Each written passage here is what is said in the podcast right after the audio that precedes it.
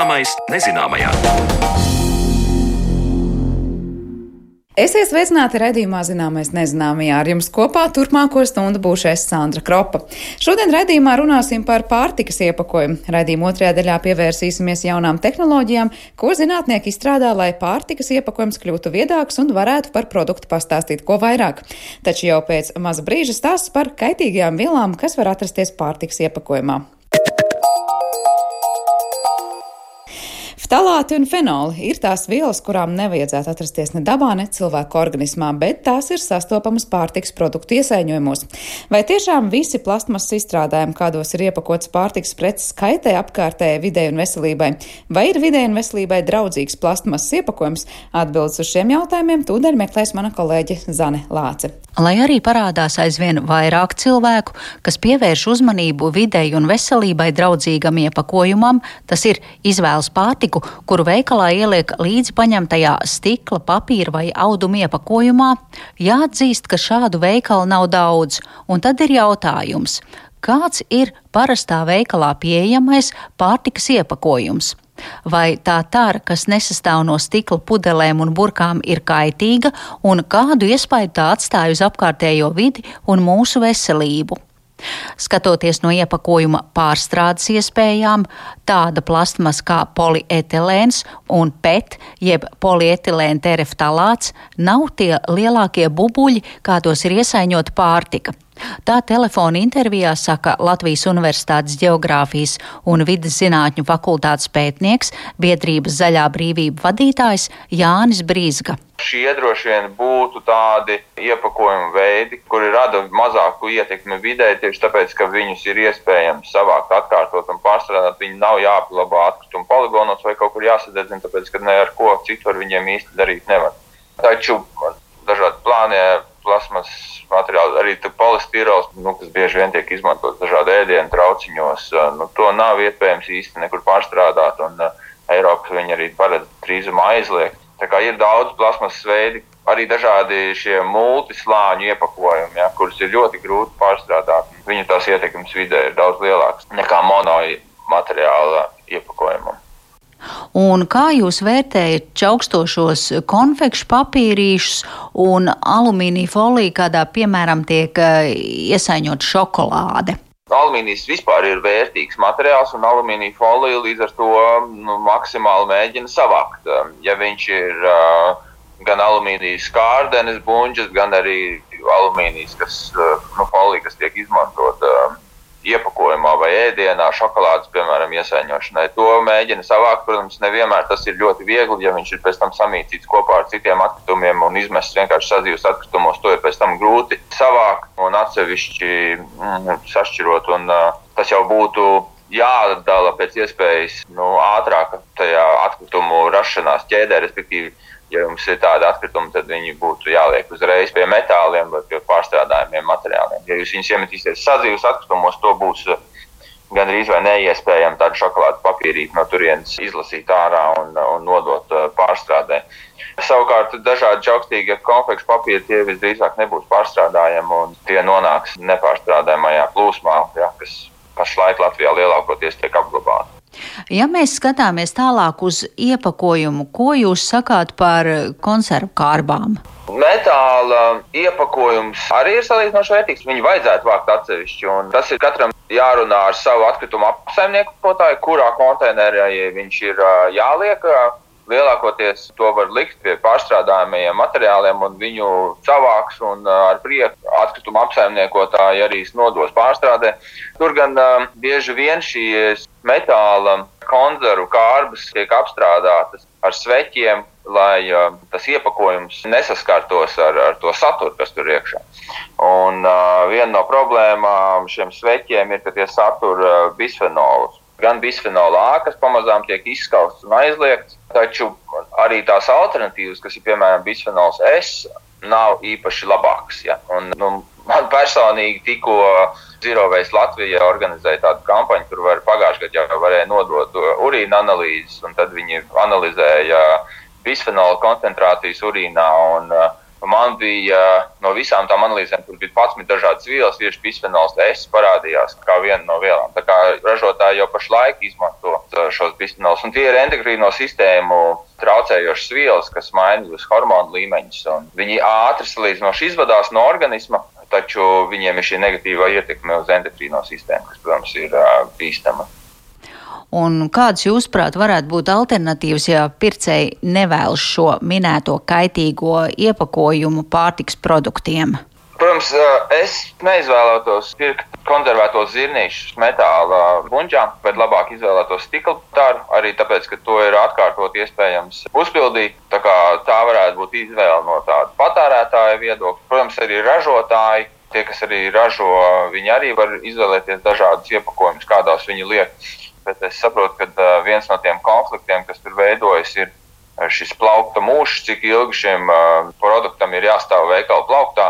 Un jo tas mūžs ir ilgāks, jo spēcīgāk konservants un aizsardzības līdzekļus ir iepakojumā jāizmanto, lai to nodrošinātu. Tā kā arī kaut kas tāds varētu būt, uz ko skatīties. Gan ražotāji, vai mums tiešām vajag zirnīšus, kas veikalā var stāvēt pusotru gadu, vai būtu pietiek ar īsāku to produkta dzīves mūžu.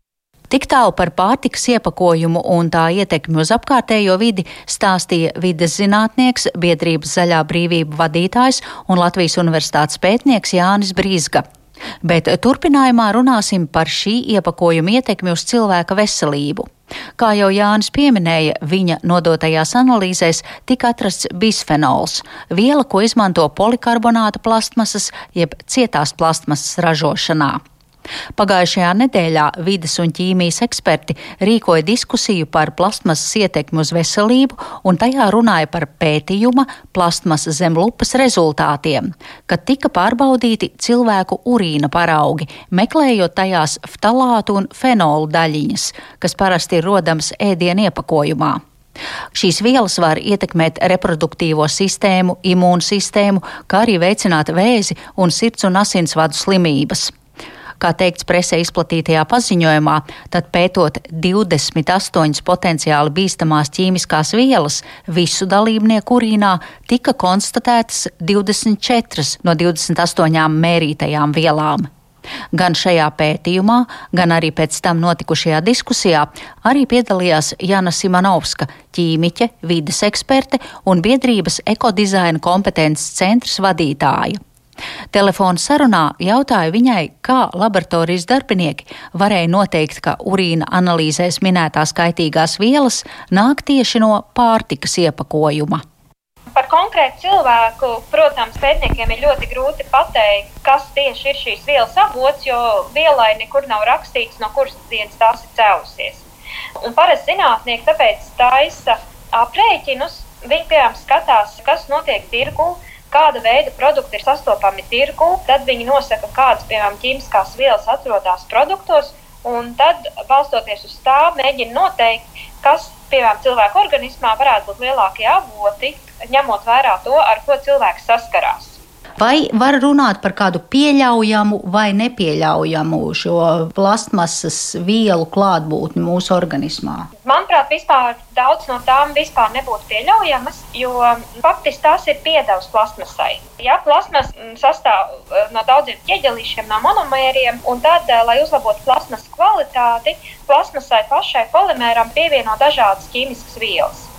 Daudzas no tām vielām, kuras vismaz eh, Zero Waste pētījumā noteica, tās ir vielas, kas bojā mūsu hormonālo sistēmu. Un šādām vielām nav drošās robežas. Faktiski tādas vielas ir nevēlamas mūsu organismam jau no pirmās molekulas, kas tur nonāk. Un, protams, jo to molekulu ir vairāk, kas nonāk mūsu organismā, jo grūtāk mūsu organismam ar tām tikt galā. Līdz ar to šīm vielām vispār nevajadzētu atrasties plasmas traukos, e, kuros mēs liekam pārtiku. No kā tad sastāv pārtikas iepakojums, ja mēs runājam par plasmasu tieši? Nu, mūsdienās tas pārtikas iepakojums jau ir kļuvis daudz sarežģītāks kā agrāk. Ja agrāk parasti iepakojums sastāvēja no viena materiāla veida, tad šobrīd jau ražotāji miksē dažādus materiālus, viņi lieto dažādus slāņus, tādā veidā uzlabojot uh, iepakojumu kvalitāti, jo katrs slānis dara uh, savu funkciju. Tad klasiskākais piemērs būtu tetrapaka kas sastāv gan no kartona slāņa, kur uzdevums ir saturēt, veidot formu, tad tur ir polietilēna slānis un alumīnija slānis. Un šo materiālu uzdevums jau ir aizturēt pārtikas nokļuvi apkārtējā vidē, ko mēs, protams, negribam, vai arī citu vielu iedarbību uz pārtiku. Eh, bet, diemžēl, tajā plasmasā, ko izmanto pārtikai, un arī daudz kur citur, plasmas nesastāv tikai un vienīgi no tā polimēra, no ķieģelīšiem, no kā tā tiek veidota. Tāpēc, ka plasmas ražošanas procesā vai nu pieliek arī citas vielas klāt, kurām ir jāuzlabo plasmas īpašība. Piemēram, jāpagarina plasmas mūža ilgums, jāpadara pašu plasmasu elastīgāku. Nu, tas ir tās divas galvenie uzdevumi, kāpēc mēs vispār liekam pie plasmas kaut kādas piedevas. Bet neredz šīs piedevas tomēr ir, kā mūsdienās ir atklāts, kaitīgas vielas, kas var ietekmēt mūsu organismu. Un savukārt šīs piedevas, ja tās atrodas plasmasā, kas saskarās ar ēdienu, šīs piedevas eh, lēnās koncentrācijās pāriet ēdienā. Lai arī mēs šobrīd kritizējam šo pārtikai domāto plastmasu, tomēr, ja vēlamies savu veselību pasargāt no minētajiem kaitīgajiem plastmasas izdalījumiem, tad iesaka izvēlēties tikai pārtikas produktiem domātos traukus, nevis jebkādu saimniecības preču veikalā nopērkamo krūzi vai bļodu, kas ir domāta citām vajadzībām teica Jana Simonovska, un vēl viņa piebilst, ka ir vērts pievērst uzmanību cipariem, kas ir uzdrukāti uz plastmasas izstrādājumiem. Es esmu skatījusies, kādas ir atsauces, kādas vielas varētu būt tajā plasmasā, kas ir pārtiks iepakojumā. Tad es varu teikt, ka vismazāk drošie simboli ir trešais, kas ir polivinilklorīds, un uh, sastais, kas ir polistirols. Tie būtu tie, ko es neieteiktu izmantot. Tāpat arī cilvēki, kas kādreiz vēl lieto vienreiz lietojamos traukus, tad mēs zinām, tie baltie putu plasta trauki, kas uztur siltumu, tie ir no polistirola. Un tas ir atkal tas, ko es neieteiktu izmantot. Savukārt daudz draudzīgāki cipari mūsu veselībai, kurus var atrast uz produktiem bultiņām marķētajā trīs stūrī, ir 1, 2, 4 un 5. Tātad rūpīgi pētam, pirms pērkam un ko pērkam. Par pārtikas produktu iesaiņojumu runāja Latvijas Universitātes Geogrāfijas un Zemes zinātņu fakultātes pētnieks, biedrības zaļā brīvība vadītājs Jānis Brizga un Jāna Simonovska, vidas eksperte, biedrības ekodizaina kompetences centras vadītāja. Bet par gudru iepakojumu mēs runāsim raidījuma turpinājumā.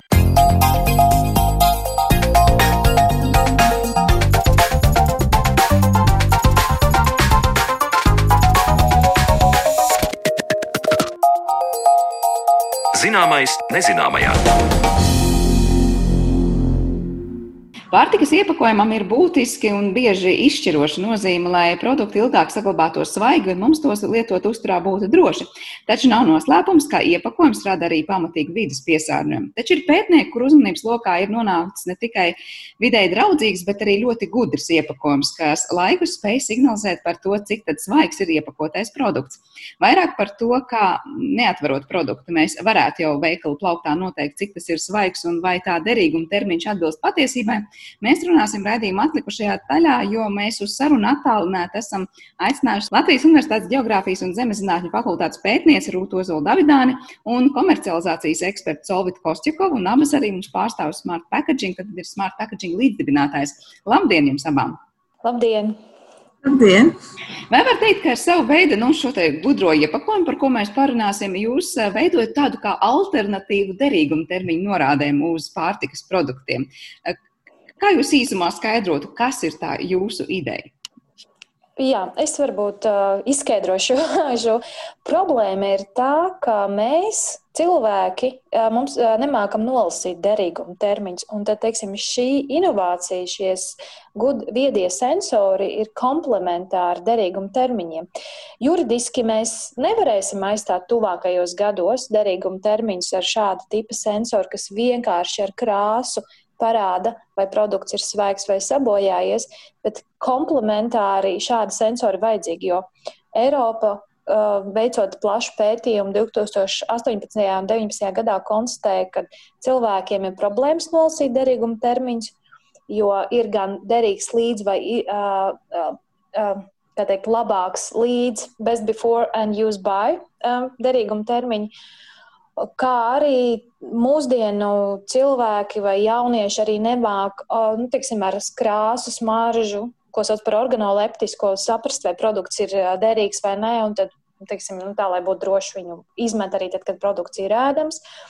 Un līdz ar to Eiropas Savienība arī veidoja tādu tā kā uzsaukumu un arī šobrīd atvēr daudz uh, programmas, kas finansiāli pie, uh, var atbalstīt šādu veidu uh, inovāciju radīšanu, kas varētu radīt kaut kādus komplementāru, nu, komplementāru tieši derīguma termiņiem, kas vēl parāda cilvēkam, jā, tu to produktu vēl var ēst, neizmet viņu. Uh, Vai arī, teiksim, ja notiek kaut kādas pārvadāšanas problēmas, temperatūras netiek ievērotas un produkts jau ir sabojājies, tad jau signalizē to, ka nu nē, šo produktu tu, viņš jau ir sabojājies.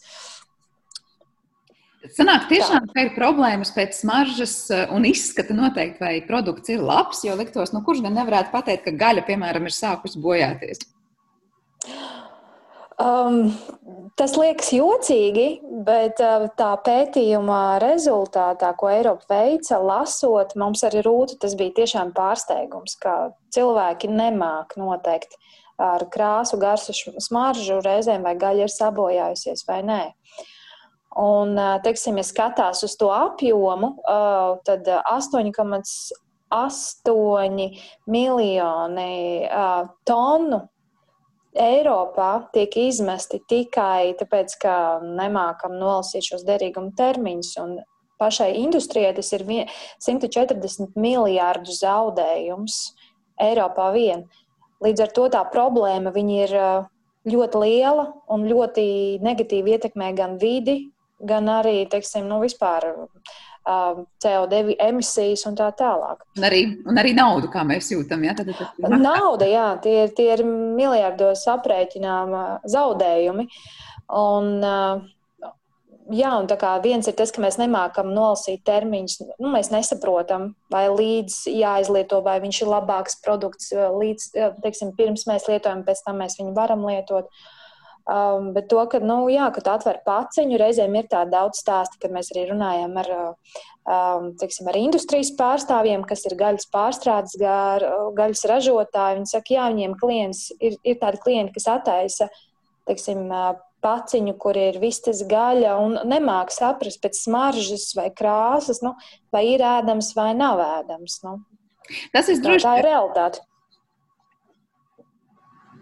Visticamāk, tas droši vien būs vairāk uz tiem gadījumiem attiecināms, ka tiešām mēs nevaram saprast, vai produkts vēl ir labs vai jau ir slikts. Jo tad, kad tas būs pavisam beigts, es domāju, ka gan jau ka mēs par to tiešām katrs pārliecinātos. Rūt, varbūt tur pastāstīt, eh, nu, kāda ir tā darbības princips. Tas ir kaut kas, kas darbosies tikai uz jau piesauktiem gaļas produktiem un, var teikt, ar krāsu signalizēs ēd vai nē, vai, vai kādas tur ir tās variācijas iespējams.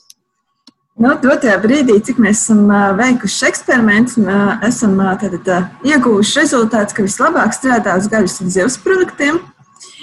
Bet tas potenciāls, kur varētu vēl izmantot šos viedos sensorus, noteikti ir arī citi pārtiks produkti, kā piemēram olu produkti dažādi un arī piena produkti. Un tā ir tā mūsu tāda, nākotnes teiksim, tā mērķis arī tātad, šo sensoru attīstīt, lai varētu izmantot vēl plašākiem pielietojumiem. Un tas, kā viņš strādā, tad principā tad šajā sensoru iepakojumā ir dabiskie pigmenti, kurus var iegūt no dažādu veidu ogām, dārzeņiem. Tad, principā, visi, kas ir krāsaini, tur ir šie dabiskie pigmenti, anticiāni, un šie anticiāni, viņiem ir tā brīnišķīgā īpašība, ka viņi maina krāsu atkarībā no vidas pH. Un, uh, izrādās, ka arī ir daudziem pārtiks produktiem ir tā pati lieta, ka tātad pārtiks produkti, īpaši mēs runājam par gaļu un zivs produktiem, uh, viņi pūšanas, ja bojāšanās uh, laikā maina šo vidas pH. Un tad, mainot šo vidas pH šim produktam, pūstot, arī mainās krāsa indikatoram no sarkanas uz zilu. Tur, principā, diezgan tā pārmaiņa ir tikoša, ka tur nevar nepamanīt, ka ir jau iekrāsojies zils un, un ka nevar vairs ēst. Un īstenībā vēl viena varbūt tā problēma par šiem iepakojumiem. Dažreiz ir tā situācija, ka varbūt derīguma termiņš jau ir beidzies, bet tās produkts vēl joprojām ir svaigs un lietojams. Un īstenībā šis sensors arī atrisināt šo, šo situāciju, kad uh, mēs ieraugam, jā, derīguma termiņš ir nu, šī diena, bet ko lai dara? Liela daļa vienkārši izmetīs ārā. Es negribu riskēt ar gaļas produktiem, tomēr, bet tas būtu kā papildus tātad, šis te indikators, kas parādītu, ka, ka tu vari vēl ēst šo produktu, ka viņš vēl ir drošs un tādējādi neizmest tātad, šo resursu pārtiks, ko tu varētu patērēt. Bet tikpat labi man prātā nāk, kur vēl to var izmantot nu, gluži pretējās situācijās, kad dažkārt runā, varbūt, ka tirgotājs tur mazliet, kā saka, pamānās ar tiem datumiem un pasaka, nē, nē, mēs tur pārmainām vai pār, pār, pārlīmējam un, un vēl ir lietojams, lai gan patiesībā jau būtu tā kā uz derīguma termiņa beigu fāzi. Nu, šādu sensoru jau mēs apmain, apmānīt nevarētu. Tā bija būtu bioloģija, kas strādā.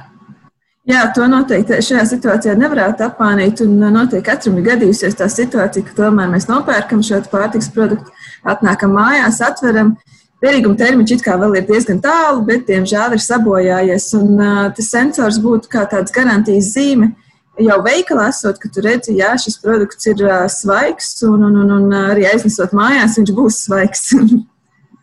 Tātad pH vidas izmaiņas ir tās, kas signalizēs par to krāsas izmaiņu, un savukārt krāsa būs kā tāda tabuliņa, var teikt, blakus, kas teiks, eh, ja tas ir sarkanā krāsā, tad ēd, un ja jau zilā krāsā, tad vairs nēd. Ja? Jā, tieši tā, jā. Kā izskatīsies pats tas sensors? Varbūt varat uzbūrt to ainu cilvēkiem, kas to nav redzējuši, ne jūsu laboratorijās, nekā tās citās eh, iespējas, kas ir bijušas.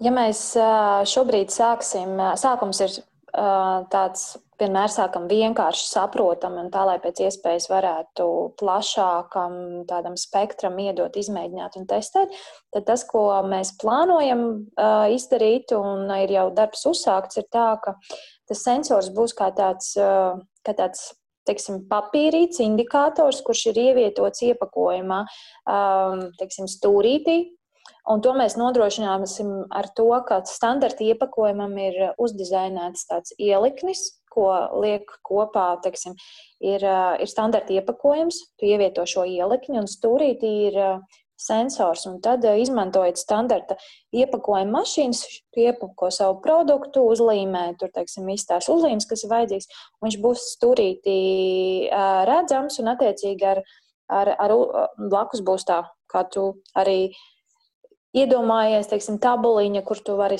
redzēt indikatīvi, ir labs vai nav labs. Tas ir tas, ar ko mēs sāksim. Protams, mūsu mērķis ir padarīt visu vēl vienkāršāku un stilīgāku. Līdz ar to, teiksim, tuvākā pusotra gada laikā tiks attīstīts arī kā, teikt, kā tāda uzlīme, kas ir nedaudz perforē arī iepakojumu un tādā veidā signalizē, teiksim, nu, lai būtu skaistāks un stilīgāks. Bet šobrīd tas, būs, tas ir plānots kā stūrītī uh, ievietots indikators. Jā. Bet, nu, labi, tas būs jebkurā gadījumā jau zem tā iepakojuma. Es iedomājos, tagad kaut kādu gaļas produktu un kastīti, kurā tas ir ielikts. Tad ir tas um, celofāna iepakojums, kas ir virs, virs kā Jā. tam sensoram jau noteikti būtu jābūt zem tā, prot, lai, lai, lai to gaļu. Jā, jā. viņam ir jābūt kontaktā ar vidi ar to uzlīmi, kā tas izskatīsies? Tas ir, tas ir vēl izstrādes procesā. Tad, nu, mums ir, mēs esam vizualizāciju veikuši, teiksim, mums ir Facebook lapa, Smart Packaging. Jūs varat apskatīties, mēs esam veikuši šīs vizualizācijas, var apskatīties. Tad viņš ir, nu, ir tāds arī standarta iepakojums, kurā ir iepakot gaļa, bet to uzlīmi tiek līmēta virspusē. Un, protams, kā jau vienmēr, lai būtu vairāki varianti un vairāk iespējas tieši uh, reaģēt uz industrijas prasībām vai uz potenciālo klientu vajadzībām, tad uh, izstrādes procesā ir, ir gan arī kas tiek iestrādāts arī tajā pā, iepakojumā. Teiksim, ir tā virskārta, ko sauc par plēvi. Nu, vienkārši tas ir. Nu, tad kādā no šiem slāņiem vēl sensors var tikt iestrādāts. Tā kā, tā kā iespēja ir daudz un ideja dažādas, bet ko jūs um, industrija jums saka, ko vajag vai kā vajag? Vai viņiem liekas, ka šobrīd tas ir kaut kas, kas ir ilgi gaidīts un viņi ir, kas saka, atklātām rokām, gaida, ka tas nonāks tirgū, vai tur ir kaut kādas problēmas, kas jārisina? Jā. Tātad secīgie soļi, kas mums bija, ko mēs arī darījām, ko mēs arī iepriekšējo pusgadu nodarbojāmies, bija uh, notestēt, cik precīzi mūsu uh, sensors var identificēt šo gaļas bojāšanos. Un, Tātad rezultāti, ko mēs ieguvām, tas, tas bija pirmais solis, kas jāizdara. Vai tiešām sensors reaģē tad, kad tam ir jārēģē? Un uh, mēs veicām plašu, pla, plašus uh, testēšanu, un, uh, un tad jā, mūsu sensors Tad, tad signalizē tieši tad, kad tam ir jāsignalizē. Teiksim, tad, kad jūtīgāki cer, cilvēki teiksim, pēc smaržas jau varētu sākt kaut ko sajust, un mūsu sensors jau reaģē, un, re, un tas sensors reaģē pirms jau mikrobioloģiski tu vairs to gaļu tiešām, nu, ka tur var būt problēmas viņu lietojot uh, uzturā. Šis bija, pir, tas bija pirmais solis, kas jāsaprot. Tad, ja, pras, ja mēs runājam par to, ko industrija, industrija prasa un ko industrija, industrija grib, Industrija prasa un grib kaut ko ļoti vienkārši lietojumu, lai iepakojot produktu, tam nevajadzētu tērēt vairāk par sekundi. Līdz ar to šis, eh, mums ir eh, jārēģē uz šīm prasībām un vēlmēm, un jāizstrādā, tāpēc mēs arī izstrā, esam izstrādājuši šo ielikni, kas atbilstoši standarta iepakojumiem, kas tieši mūsu reģionā ir populāri un kas tiek lietoti. Tas ir tas pirmais solis. Uh, ja mēs skatītu, teiksim, šobrīd arī mēs esam uzrunāti un ceram, ka veidosies sadarbība arī ar teiksim, tālāk jau Skandināvijas reģiona uzņēmumiem. Šobrīd mēs vēl nezinām, kas, kas ir viņu vēlmes. Līdz ar to teiksim, tas ir labi, ka mūsu, teikt, mūsu laboratorijās un arī jau tādā ir šīs dažādas, teiksim, kā uzlīme, sensoru iespējamība vai kā iestrādāšana pašā iepakojuma plēvē. Es gribēju uh, Solvit papildināt uh, par uh, vienu ideju, ko mēs esam dzirdējuši no pāris uzņēma, uzņēmējiem.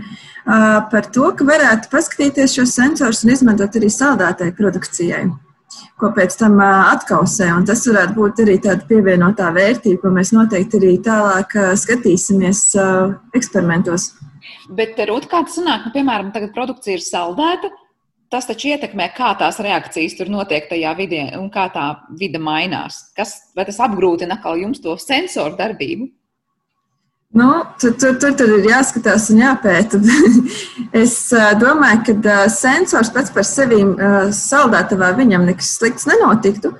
Protams, šajos atkušanas procesos arī es pieļauju, ka nekas nenotiktu, un viņš turpinātu reaģēt uz šiem visiem rādītājiem.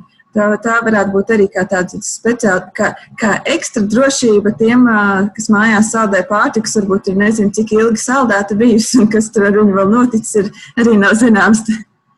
Tā kā, kā saka, darīt dažādām dzīves situācijām. Bet tas, ko Sola minēja par to, ka industrija saka, ka viņi grib, lai ne vairāk par sekundi pa, patērē laiku iepakojot, kā ir ar izmaksām. Es saprotu, esmu dzirdējis, ka jūsu variantā tas izmaksas sensoram ir ļoti, ļoti mazas, un tas ir liels pluss.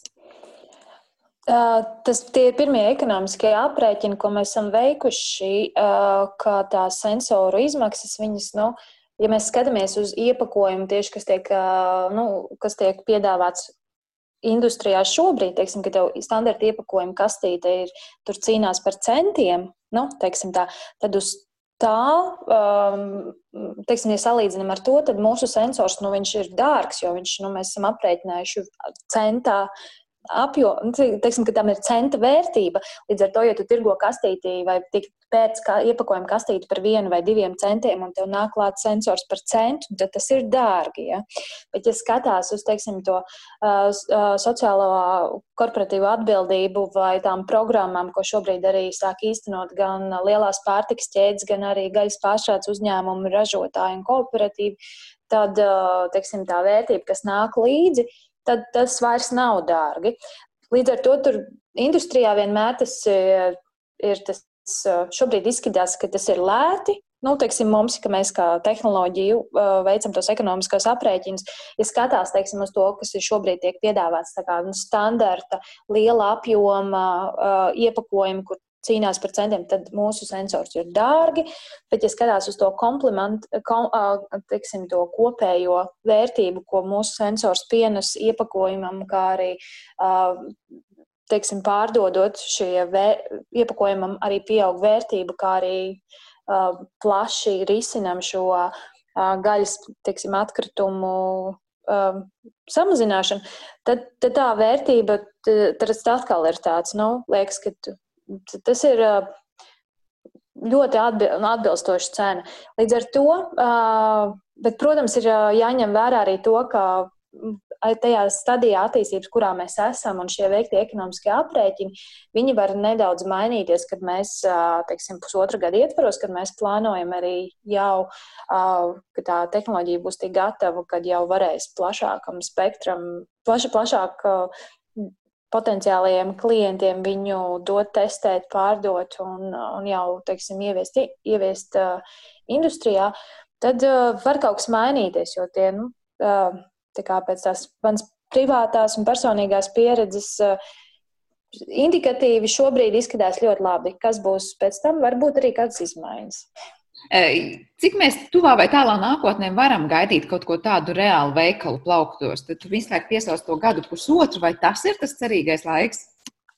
Um, jā, tas, tas, tas tā arī varētu būt, jo, protams, uh, uzņēmumi ir dažādi, un arī teiksim, lēmumu pieņemšanas gan ātrums, gan veids ļoti, ļoti atšķirās. Teiksim, ir uzņēmumi, kas ir tādi mazie un vidējie, vai arī kas pieder ģimenēm, viņi ātrāk var reaģēt. Un, teiksim, te, mēs būsim ko līdzi, teiksim, viņu interesi ir tāda, ko līdz esam beiguši šo testēšanu, un kad jā, sensors reaģē, un tas ir droši, un trešās puses ir atbilstoši veikuši testus, un mums ir viss kārtībā, eh, ir gatavi ieviest uzreiz, teiksim, uz eksporta produkciju, kas ir eh, dārgāka gaļa, teiksim, un eh, viņi grib, teiksim, kaut kādu stilīgāku iepakojumu ar pievienoto vērtību.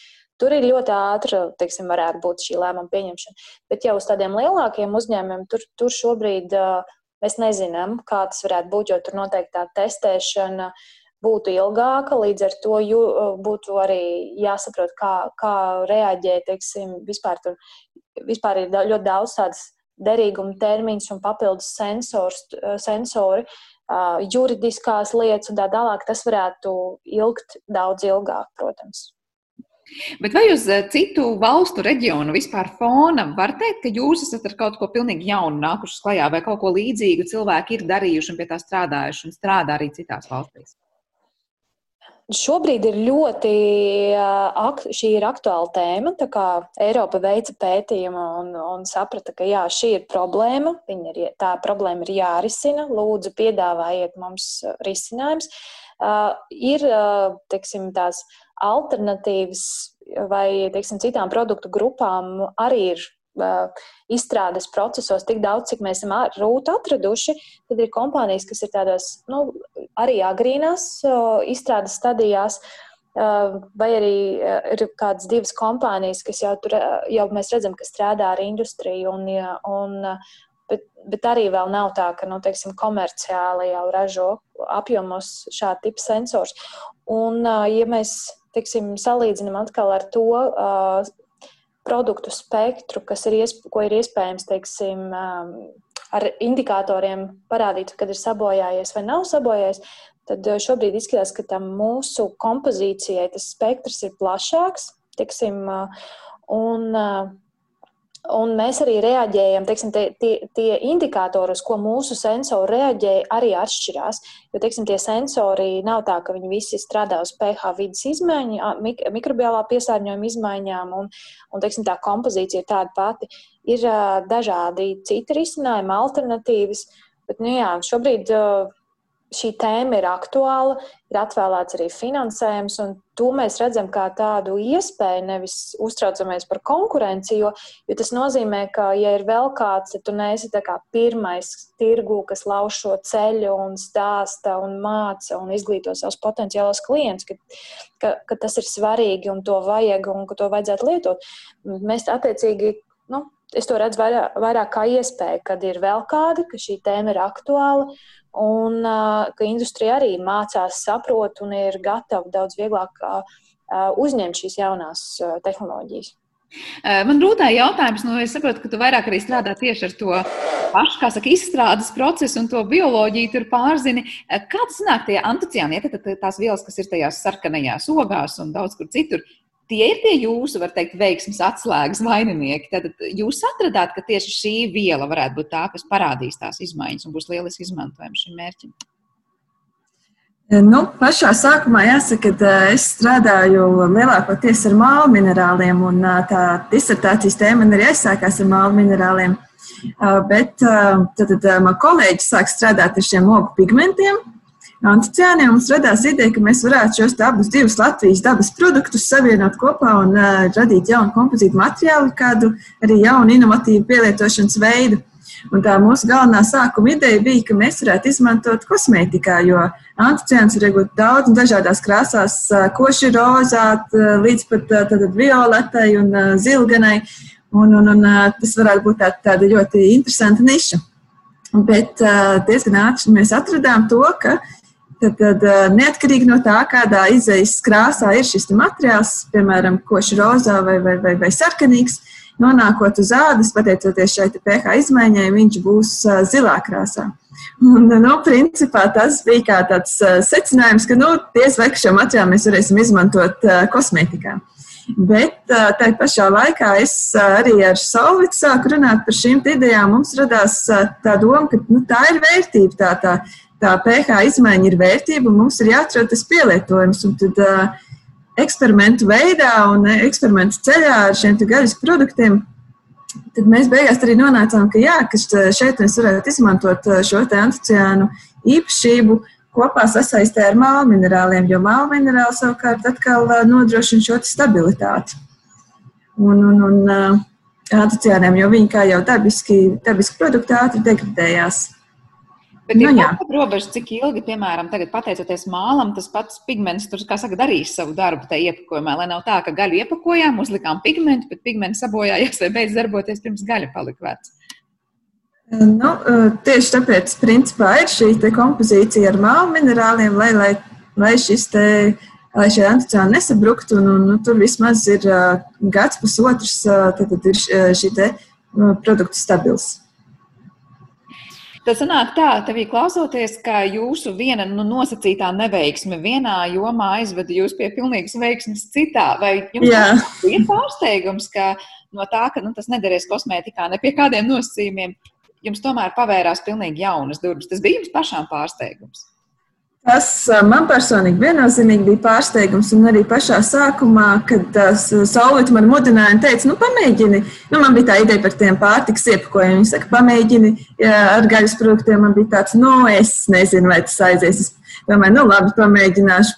No sākuma tā eksperimenta arī tur bija mājas apstākļos, pa lieldienu brīvdienām, es pat varu paskatīties, mainās, nemainās tās krāsas. Un, Un jā, un izrādās, ka mainās, un tad man bija, man bija liels pārsteigums, tad īstenībā tas nākamais solis nu labi, tagad viņi mainās, bet kā tad man jau tā speciālitātē pārtiks uh, iepakojuma sfērā, teiksim, tās zināšanas nav tik plašas, kā to tālāk uh, tad attīstīt. Un, un tad, protams, bija jāpiesaista arī trešās puses, un, un, un, un kas ļoti, ļoti palīdzēja, kam bija tās zināšanas. Un tas viss man uh, personīgi tiešām bija tāds, tāds, tāds uh, veiksmes stāsts. Un, un, um, jā, tā ļoti, ļoti interesanti tas viss iegrozījās. Solvit, kādas bija tās emocijas, ieraugot, ka mainās? Un tas bija nu, liels prieks un tāds, nu, tāds patīkams, tāds, ka ir sanācis teiksim, tīri no tā, ka nu, vienā lietā tev nedara. Tad tu saproti, ka, nu, tās, ka tās īpašības varētu būt tiešām vērtība kaut kur citur, kādā citā tehnoloģijā, un ka teiksim, tī, tīri arī un kas sanāca. Un, un, protams, nākamais lielais bija tas gaidīšanas posms, kad uh, mēs uh, piesaistījām Latvijas lauksaimniecības universitātes Sandru Mūžnieci, kas ir. Nu, es domāju, guru eksperte mūsu reģionā šajā, šajos pārtikas uh, uh, iepakojuma testēšanas jautājumos, teiksim, tur teiksim, tā, tā varbūtība, ka strādās, bija ļoti, ļoti maza. Un tas, kā atnāca rezultātā, ka tur jā, ka tas strādā un, un, un ka mums principā tagad jau jāiet tālāk un jādomā, jau, kāds tas sensora forma būs un, un tā tālāk. Un, un tad tā liekas, ka tā ļoti tā, uh, labi mums gāja uz priekšu, jā, un tad, kad mums bija jārisina arī, teiksim, tā nu, tas jau nākamais solis, kā iestrādāt iepakojumā, kā, kā teiksim, klientam tas varētu aizņemt tikai sekundi un tā tālāk. Mums arī paveicās, mēs satikām Leonu Sokolovu, kurš ir visu mūžu strādājis ar iepakojuma ražošanu, ir radījis arī iepakojuma ra ražošanas iekārtas un ir ļoti liels eks eksperts. Man liekas, viens, no, viens arī no tādiem top ekspertiem Latvijā, kas ir biodegradablais iepakojums un arī viņam, teiksim, inovācijas un, un uh, ir šajos jautājumos. Un mums uh, tā kā sanāca iepazīties ar Leonu, kurš mums šobrīd arī ir kļuvis par komandas biedru un palīdz tālāk attīstīt šo ideju. Tā kā tas viss likās tā, ka nu, tā, tā kā tu no tās tādas neveiksmīgas idejas ievirzīji, atradi, kur tā vērtība ir. Un izrādās, ka tā problēma arī ir tik aktuāla Eiropā, jo tas arī mums bija tāds pārsteigums un jaunums, ka jā, šī problēma tiešām ir jārisina. Tā aktualitāte ir tieši šobrīd, un mēs esam īstajā laikā un vietā. Tas ir tāds ļoti iepriecinošs un patīkams nodarbe. Tā es to varētu nosaukt ar to, ko mēs darām šobrīd. Bet to varētu nosaukt kā Latvijas tādu veiksmīgu stāstu, un varbūt tiešām lielo iespēju, nu, kā salikt īstajā vietā un īstajā laikā atrast īsto risinājumu, plus vēl atrast tās izēvielas, kas ir tās Latvijai varbūt raksturīgās un īsto kompozīciju atradāt. Nu, ja mēs teiksim, ieiesim industrijā ar savu inovāciju un parādīsies pirmie iepakojumi veikalu plaktos, tad, tad mēs varēsim nosaukt šo par veiksmu stāstu. Šobrīd tā ir fantastiska iespēja. Jā. Gan mums ar Rūtu, gan arī tagad jau komandas biedram Leonam un, arī Sandrai, kas palīdzēs tālāk ar visiem šīm testēšanām un ar savām kompetencēm. Uh, Nu, jā, un tad, protams, kā veiksmi mēs arī varam uzskatīt, ka mēs šobrīd, teiksim, tieši pirms divām dienām atnāca ziņa, ka mēs esam dabūjuši arī finansējumu. Tā kā šī smart packaging intelektuālais īpašums ir Latvijas universitātes īpašums, jo tā ir daļa no rūtas disertācijas tēmas. Mēs esam ieguvuši nu, 300 tūkstoši, lai tuvāko pusotra gada laikā pabeigtu šo tehnoloģiju, attīstīt tik tālu, ka viņi varētu tiešām iet industrijā iekšā. Mēs šobrīd esam ļoti priecīgi arī šos pēd, pēdējās divas dienas, kā, jo projekti tika vērtēti starptautiski. Un, uh, ar starptautiskiem ekspertiem. Mums pavē, mūsu projektam mēs to uzskatām arī par veiksmi, ka bija piesaistīti divi eksperti. Viens novērtējs bija ļoti labi, un otrs bija ļoti kritisks, jo viņš bija ar pieredzi gan sensor, ķīmisko sensoru izstrādē, gan arī komercializācijā, kas atkal iedeva mums tādu ļoti daudz tādas. Informācijas, par ko mēs pat nebijām padomājuši. Līdz ar to kā Mm, jā, tā potenciāli ļoti... akmeņus esat apzinājušies. Ja? Mums viņi ir pat uz papīra salikti, par ko mums ir jādomā. Jā, kā, tur ir daudz tās teiksim, juridiskā regulējuma lietas, kur mēs tagad varēsim atkal veid, iet ar potenciāliem klientiem uz sarunu un uzdot viņiem šos jautājumus, kā šo var risināt. Un, un, tā kā darāmā ir jā, daudz. Tā, Jā, jā, jā ļoti. Rūtē, man noslēdzošais jautājums šajā sarunā sanāk, nu, sanāk tā, ka tu izstrādāji disertāciju, un tu vari redzēt, ka disertācija pat tiešām ir aizgājusi līdz kaut kam ļoti, ļoti praktiski pielietojamam un, un tiešām vajadzīgam. Kāda ir tā sajūta tev šobrīd, ka tas viss sākās ar tavu disertāciju? Jāsaka, ir principā zinātnē arī strādājot un rakstot to disertāciju, un arī maģistra darbu bieži vien ir tā sajūta, par ko, par ko tu saki, Sandra ka tu tā kā pēti un pēti dažādas lietas, bet dažreiz tā sajūta ir, ka tu pēti pētīšanas pēc, un beigās nav nekāda tā, tā rezultāta, tas gala produkts ir kaut kas, ko tu vari sniegt tālāk. Un, un, un, un, un tā, tā sajūta, ka beidzot kaut kāda tā daļa, jo no tiem māliem tu visu, ko es pētīju, arī saistībā ar notekūdeņu attīrīšanu, un, un tad šī sadaļa, ir aizgājusi līdz um, gan drīz jau līdz produktam vai kaut kam taustāmam ir eh, ļoti, ļoti patīkami, protams, kā zinātniekam, jo tu redzi to gandarījumu sajūtu, ka kaut kas ir, ir tas rezultāts, ko tu vari arī parādīt un pastāstīt, jo bieži vien tāds uh, teorētiski stāstījumi vai par analīzēm vai rezultātiem cilvēkiem nu, nevienmēr īsti ir interesanti un arī, un arī tās rezultāts arī nav tik, tik uzskatāms. Jā. Kā ar to arī apsveicu, apsveicu jūs abas un apsveicu Smart Packaging gan ar tādiem, lai izdodas. Un tad, protams, ka es domāju, ka neviens vien man šobrīd pievienotos un teiktu, gaidām šādu iepakojumu, parādāmies arī veikalu plauktos. Paldies jums arī par šo sarunu. Atgādināšu, ka šajā reizē mēs dzirdējām Latvijas Universitātes Geogrāfijas un Zemezinātņu fakultātes pētnieci Rūtu Ozolu Davidānu un komercializācijas ekspertu Solvitu Kostjukovu. Abas tad mums pārstāv Smart Packaging ideju un arī produktu. Ar to arī šis raidījums ir izskanējis. Par to parūpējās rūpējās producents Armītas Kolāta un mūzikas redaktors Girds Bišs. Ar jums kopā bija es Sandra Kropa un piebildīšu tikai, ka zināmais nezināmajās stāstus var klausīties arī populārākajās podkāstu vietnēs. Lai jums jauka diena un uz tikšanos!